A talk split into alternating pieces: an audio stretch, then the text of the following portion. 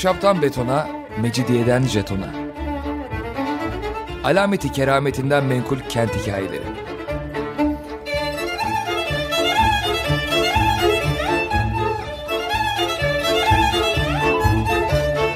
Hazırlayan ve sunan Pınar Erkan.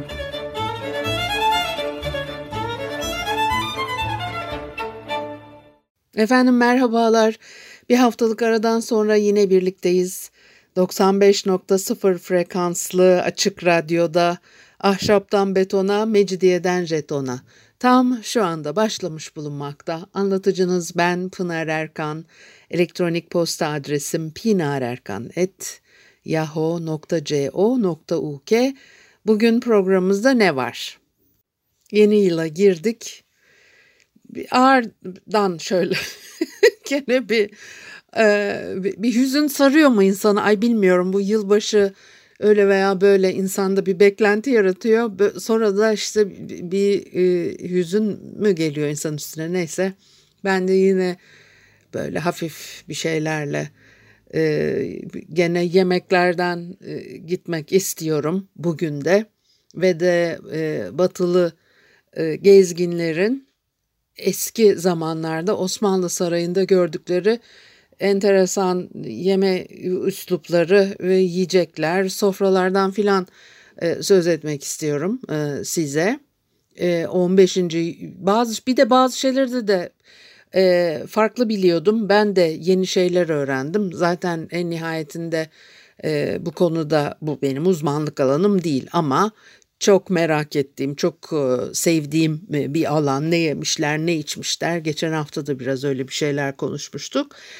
E, ve de e, mesela 15. yüzyılda e, 1432'de 2. Mehmet'in babası 2. Murat'ın e, Bursa'da verdiği bir yemek şöleni aktarılıyor e, Fransız bir seyyah tarafından. Diyor ki salonun ortasına koyun eti ve pilav dolu yaklaşık 100 tabak yerleştirilmişti. Sultan gelip tahtına oturunca Milano elçisi çağrıldı. Elçiyi hediyelerle birlikte maiyeti takip ediyordu. Hediyeleri önce yemek dolu tabakların yanına bıraktılar. Ondan sonra orada bulunan herkes görsün diye yukarı kaldırarak elleriyle padişahın önünden geçtiler. Uşaklar adetlerine uygun olarak ipek bir örtü, ipek peçete, onun üzerine de etle dolu iki altın tabak koydu. Sonra yemeği kalaylanmış kapkaçak içinde sundular. Her dört kişiye bir büyük tabak pilav ve et verilmiş. Ee, ekmek sunmamışlar, içecek de e, sunmamışlar ama salonun bir ucunda, raf üstünde bir küçük kap varmış. Altında da büyük bir gümüş kap e, varmış. Ziyafette bulunanlar bazen gidip kaplardan bir şey içiyorlarmış. Diyor ki bunun su mu şarap mı olduğunu anlayamadım. Ee, bu da enteresan sofraya gelmiyor da o su muhtemelen suydu herhalde. Sofradan kalkıp gidip su içiyorsun.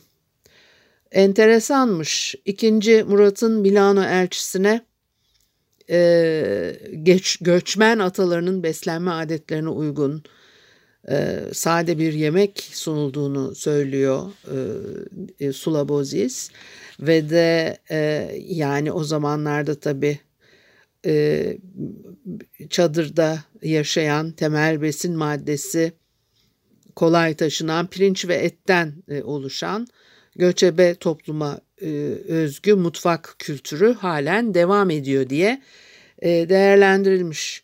Sonra bir de 15. E, e, yüzyılda tabii e, e, Süheyl Ünver'in çalışması var. O bize enteresan bilgiler verir. Sadrazam Mahmut Paşa her hafta çalışma arkadaşlarına yemek sunuyor. Altın nohutlu pirinç. Gene eski programlardan birinde bundan söz etmiştik. Yani nohutlu pilav e, ikram ediyor. İçine de e, altın topları birkaç tane atıyormuş herhalde. Yani o nohut büyüklüğünde. Dolayısıyla da altın nohut e, bulanlar pilavı kaşıklarken şanslı oluyorlar. Herhalde onları cebe atıyorlar. Ay düşünsenize çok güzel adet. Hiç hayatta artık bu ekonomiyle yapmamızın imkanı ihtimali yok ama ne kadar e, e, hoş bir şey olabilirdi. Yani sofrada oturuyorsun ve o pilavı kaşıklarken içinden e, nohut büyüklüğünde altın toplar çıkıyor şahane. Ve de e, saray mutfağında 2. Mehmet için hazırlanan yemekler iç, e, en çok e, maydanozlu pirinç çorbasını severmiş. Şimdi bir yerde daha geçiyor bu maydanozlu pirinç çorbası. Bir yayla çorbası gibi bir şey mi acaba? E, maydanozlu olması ilginç. E, bulgur çorbası o da işte tarhana gibi bir şeymiş. Paça kelle yiyormuş. E, borani, e, etli pırasa, yoğurtlu pazı, yo, koyun eti yahnisi, tavuk, ızgara et falan yiyorlar. Peynirli börek, ıspanaklı börek, erişte, pilav, lapa, e, mantı bunları yiyorlar. Aslında çok aynı bugün yediklerimizle bakarsanız. Bir de gider defterlerinde yumurta, zeytin, turşu, pekmez, bal, baklava, kadayıf, lalanga, aşure, yoğurt, e, ayran, kaymak, muhallebi, balkabağı, boza, nar, kara erik, üzüm şerbetleri, yemeklik hayvansal yağ, susamlı ekmek ve ince pideler varmış. Bunlar listelenmiş. Yani dışarıdan alındığı anlamına mı geliyor? E, defterlerde kayıtları var. 1473 yılının bir cumartesi günü mesela e, balık satın alınmış. E, Terkos gölünden getirilen bir tatlı su balığı e, yiyorlar. Onu da soğan ve kişnişle pişirip sultana sunuyorlarmış. E, gider defterlerinde balığa çok az rastlanıyor. E, hatta hiç rastlanmıyor. O da ilginç işte e, Türkler bu kadar balık yemiyormuş herhalde. E, mutfakta çok balık bulunmuyor. Fakat e, yine saray mutfağı için 1473'te 3 akçe değerinde karides ve istiridye e, satını alınmış. E, listelerde geçiyor. Artık onu da e, kim hani tüketiyor sarayda? Bunu ben biliyorduysam da unuttum. Bazen bildiğim şeyleri hepsi Allah Allah falan diyorum. Bu da şapşal mı ne diyebilirsiniz ama hakikaten çünkü şimdi niye böyle söyledim biliyor musunuz aslında gerçekten bazı şeyleri unutuyorum yani hani e, çok fazla şeyle meşgul olmaktan kaynaklandığını düşünerek kendimi avutuyorum. E, fakat sarayda birisi balık seviyordu diye böyle bir bir şey aklıma geliyor da onun için ay böyle söyledim ama başka bir şey var, başka bir şey var diye geriden bir bilgi bir şey beni dürtüyor. Onun için de öyle söyleme ihtiyacı duydum. Tabii sarayda çalışan Hristiyanlar var. Belki onlar yiyorlar veya Hristiyan kökenli cariyeler de yiyor olabilir. Ama değil ben padişahlardan bir tanesi balık böyle bu tür şeyler seviyordu diye hatırlıyorum. Şimdi aradan 100 yıl falan geçiyor. İşte 1573 e, senesinde yine e, yurt dışından gelen gezginlerden biri kitap yazmış. İkinci Selim döneminde e, yabancı elçi grubuna sarayda bir yemek veriliyor. E, masa örtüsü beyazmış, peçeteler İran tarzı işlemelerle bezeli. Yemek sırasında da içecek olarak şerbet sunuluyor. E, biraz daha farklılaşmış ama e, öyle çatal bıçak falan yok. E, yani hala yok. Zaten olmadığını biliyoruz da. Yemekler önceden sofraya dizilmiş. Pilav dolu servis tabakları var. Çeşit çeşit sebzeler, tatlılar, tavuk dolu büyük tabaklar var. Beyaz ekmek de varmış. Ee, ve e, galiba da bu kadarmış. E, az görünüyor tabii bu göze. Dolayısıyla e, e, az mı görünüyor? Mesela bu sefer de bir İngiliz seyyah Morrison İstanbul'u anlatıyor 16. yüzyılın sonlarında ziyaret etmiş ve de e, İstanbul'un Müslüman sakinlerinin e, yemek adetlerini ve davranışlarını da anlatıyor. Halı üzerine bağdaş kurarak ve de evin içinden ziyade açık havada, nehir kıyısında ve bahçede, çimen üzerinde yemeği tercih ediyorlarmış. Yere oturarak yemek yedikleri için masalarda çok alçak. Ellerini silmek için uzun bir peşkir kullanıyorlar. Etleri elle parçalanabilecek kadar yumuşak e, pişirirlermiş. Az yemeklerin çeşidi. E, herkes çepeçevre oturup tek bir kaptan yemek yiyor. Çatal bıçak kullanmıyorlar. Yemeğe dua ile başlanıyor ve yerken de konuşulmuyor. E, yiyecekler bol, az çeşit olmasına rağmen etleri özellikle çok bol olurmuş. Av kuşları ve başka hayvanlar da bulunur fakat balık yemiyorlarmış. Hala gözlemciler bunu söylüyor. E, Yahudiler gibi e, domuz, e, domuz eti de yemezler diyor. E, hali vakti yerinde olanlar da aynı kaptan yer, tabak kullanmazlar. E, Anadolu ve e, Suriye'de e, koyunları besliyorlar özellikle ve getiriyorlar. Bu bölgeye çok lezzetli olurmuş eti. Geyik, karaca, işte keçi eti bol. En bol meyveler arasında kayısı, kokulu kavun ve helvacı kabağı sayılıyor. Yine maydanozlu pirinç çorbası burada da. Yahni, paça, işte kabak tatlısı, turşu, yoğurt, aşureyi severler diye anlatıyor. Ve zengin konaklarda e, yiyecek çeşitler arasında balık da varmış. Çörekler, pideler, simit, poğaça, kremalı börek.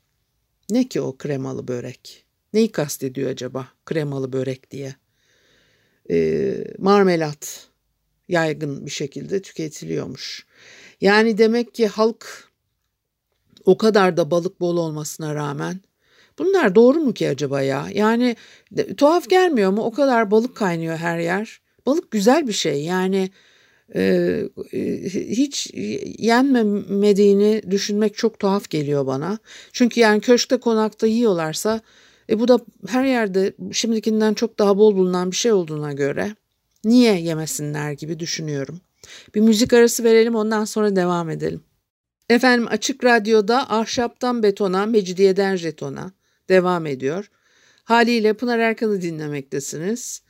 Şimdi e, bir Fransız bu sefer 1626 e, senesinde yazdığı bir e, kitapta e, İstanbul'da neler yendiğini, e, Sultan 4. Murat ve sarayın gastronomik alışkanlıkları hakkında e, enteresan şeyler aktarıyor. Mesela güz mevsiminin sonlarında sadrazam birkaç gün saray mutfağında pastırma hazırlanmasına bizzat nezaret edermiş. Ve de e, pastırmayı da 4000 kadar sığırın etinden yapıyorlarmış. Maşallah. E, ne kadar süreyle tüketiyorlar bunu acaba? Kaç kişi kaç kişi için yapıyor bu kadar pastırmayı? E, her gün e, sarayın e, günlük iaşesi diyor çünkü. 200 koyun, 100 kuzu, 40 dana, 40 kaz veya ördek 100 çift güvercin ve başka av kuşları. Yani işte günlük iaşesi bu olunca pastırmada 4000 sırdan olur tabii. Ee, balık yok. Saraya balık girmez diyor. Balık yemek isteyen ağalar uşaklara balığın bol olduğu saray kıyılarında balık avlamalarını emredermiş.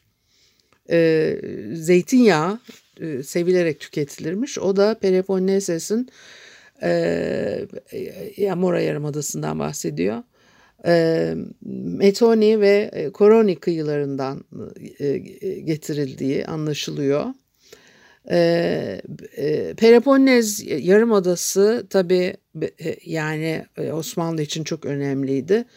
Ama yine de yok muymuş Ege kıyılarında zeytin üretilen yerlerde oradan getiriyor. Aslında bir yerde de Girit'ten geliyor. Evet zeytinyağı Girit'ten geliyor. Padişahın yemekleri için kullanılan zeytinyağı Girit'ten geliyormuş. Ee, Boğdan'dan büyük miktarda tuzlu tereyağı getirtiyorlarmış.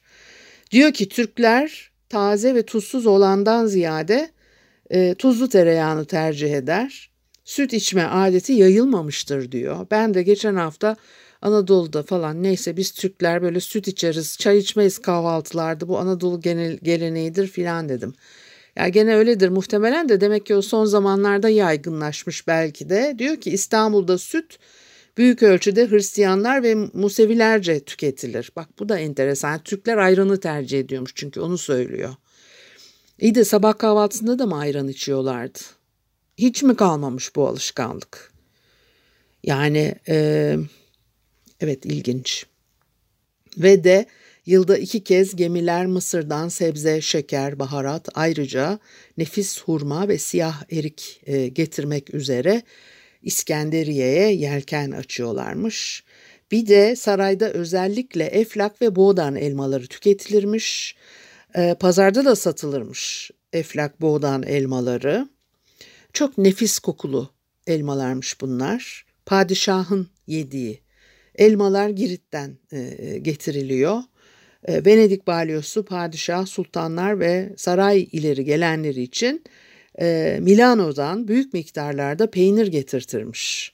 İtalya'dan başka bir takım yiyecekler de geliyor. Bak e, o zaman bile padişah 17. yüzyılda Milano'dan peynir getirtip onu yiyor görüyor musun?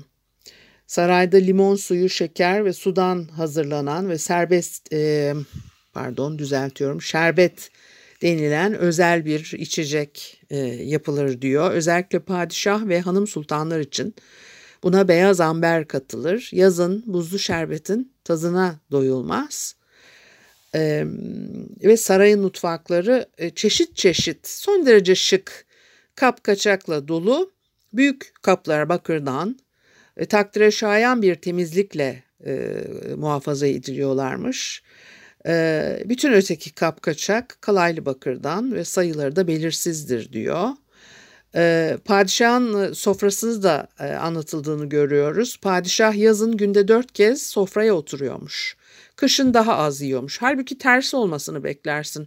Yani insan o sıcakta o kadar da yemek yiyemez. Kışın belki daha çok yersin de yazın yemek istemezsin diye e, insan düşünüyor ama demek ki öyle değilmiş. Yer sofrası olarak som, gümüş büyük bir e, tepsi kullanılıyor ve de sultan bu gümüş tepsinin önüne bağdaş kurup oturuyor. Kıymetli taşlarla bezenmiş som altından sofrayı senede 3 veya 4 defa e, kullanırmış. Yemek sırasında da nakışlı bir peçeteyi dizlerinin üzerine örtüyor. Daha küçük bir peçete sol elinden sarkıyor.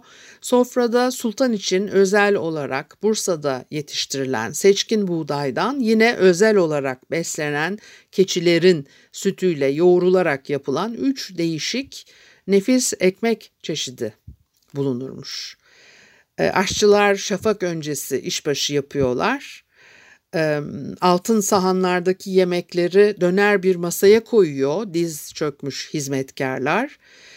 30 e, sahan içinde 30 türlü et yemeği bulunurmuş. Padişah bıçak kullanmıyor. Eti ekmek gibi elleriyle e, parçalara bölüyor. Masada tuz da kullanılmıyor ve yemeklere baharat katmak da hekimlerce yasaklanmış. Muhtemelen o baharatların bazısı dokunuyordu herhalde. Ondan sonra düşünsenize padişah cırcır olmuş. Ay neyse. Güvercin kebabı padişahın en sevdiği yemek. Ee, genelde kendisine üstünde 12 güvercin bulunan bir tepsi sunulurmuş. Çok özür diliyorum. Ee, bazen e, ve de e, kızartılmış veya haşlanmış piliç kuzu koyun etleri bunu takip ediyor. Şimdi sofrada konuşulmuyor. E, dolayısıyla da iletişim işaretlerle sağlanıyor. O sağır ve dilsizlerin, e, efendim cücelerin yemek esnasında padişahı eğlendirmesi adet olmuş konuşmuyor diye canı sıkılıyor demek ki. Padişaha değişik meyve suları, limon suyu ve şekerle yapılmış bir içecek sunulur diyor. Neyse o şekerle yapılmış içecek. Dördüncü Murat içkiyle e, arası sıkıntılıydı. Bilmem bilir misiniz? Efendim e, sofrada meze alışkanlığı var. E, yok pardon çünkü peynir var. Peynir var elimdeki notlarda şimdi ona gitti aklım. Yemek bir hamur tatlısıyla bitiyor. E, Milano peyniri mutlaka sofrada olurmuş ve de padişahın kahvaltısı da meyvelerden meydana geliyor.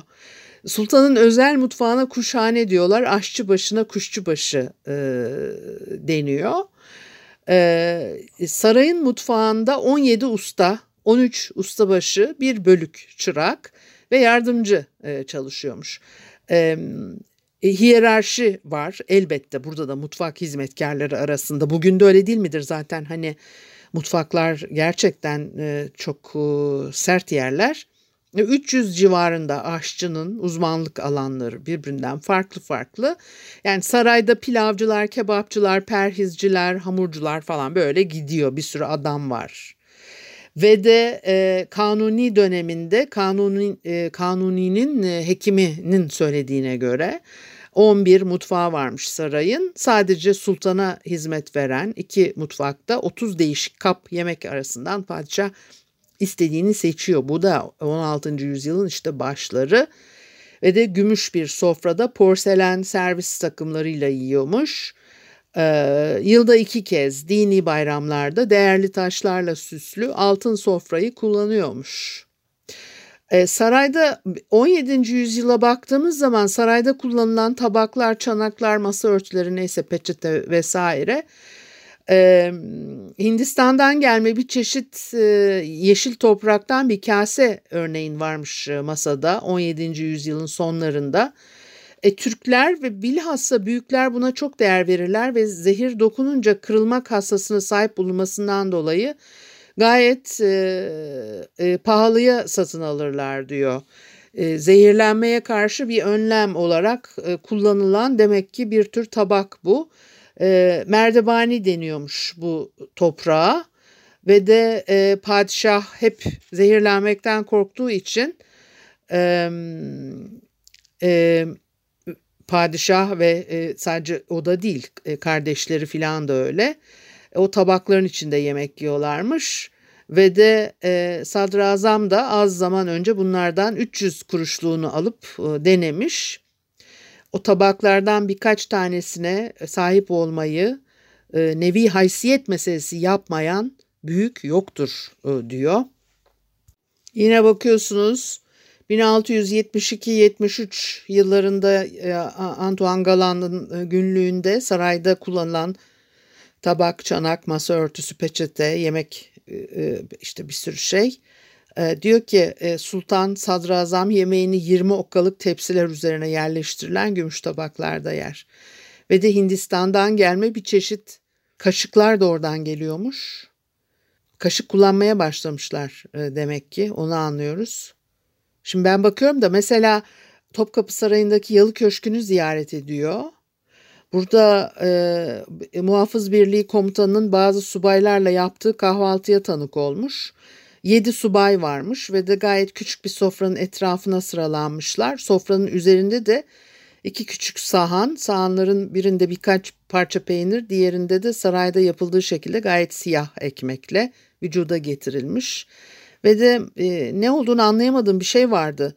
Bu işler olurken büyükelçiye kahve getirilerek zevk vermesini e, temin maksadıyla işine şeker kondu diyor. Demek ki şeker konma alışkanlığı da pek yok. Ondan sonra yine Beykoz'da Osmanlı ileri gelenlerinin verdiği bir ziyafet varmış.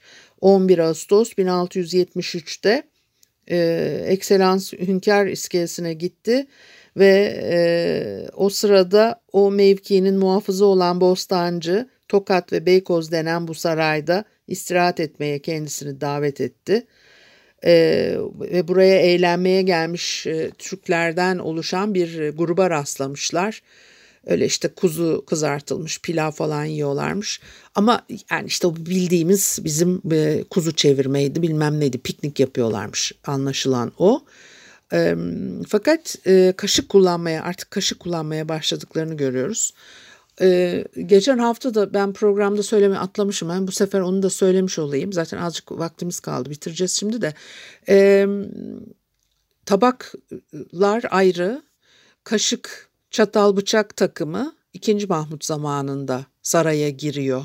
Hemen kullanılmaya başladığına da e, şüphe edebiliriz. Avrupa'da biraz daha erken e, başladılar kullanmaya.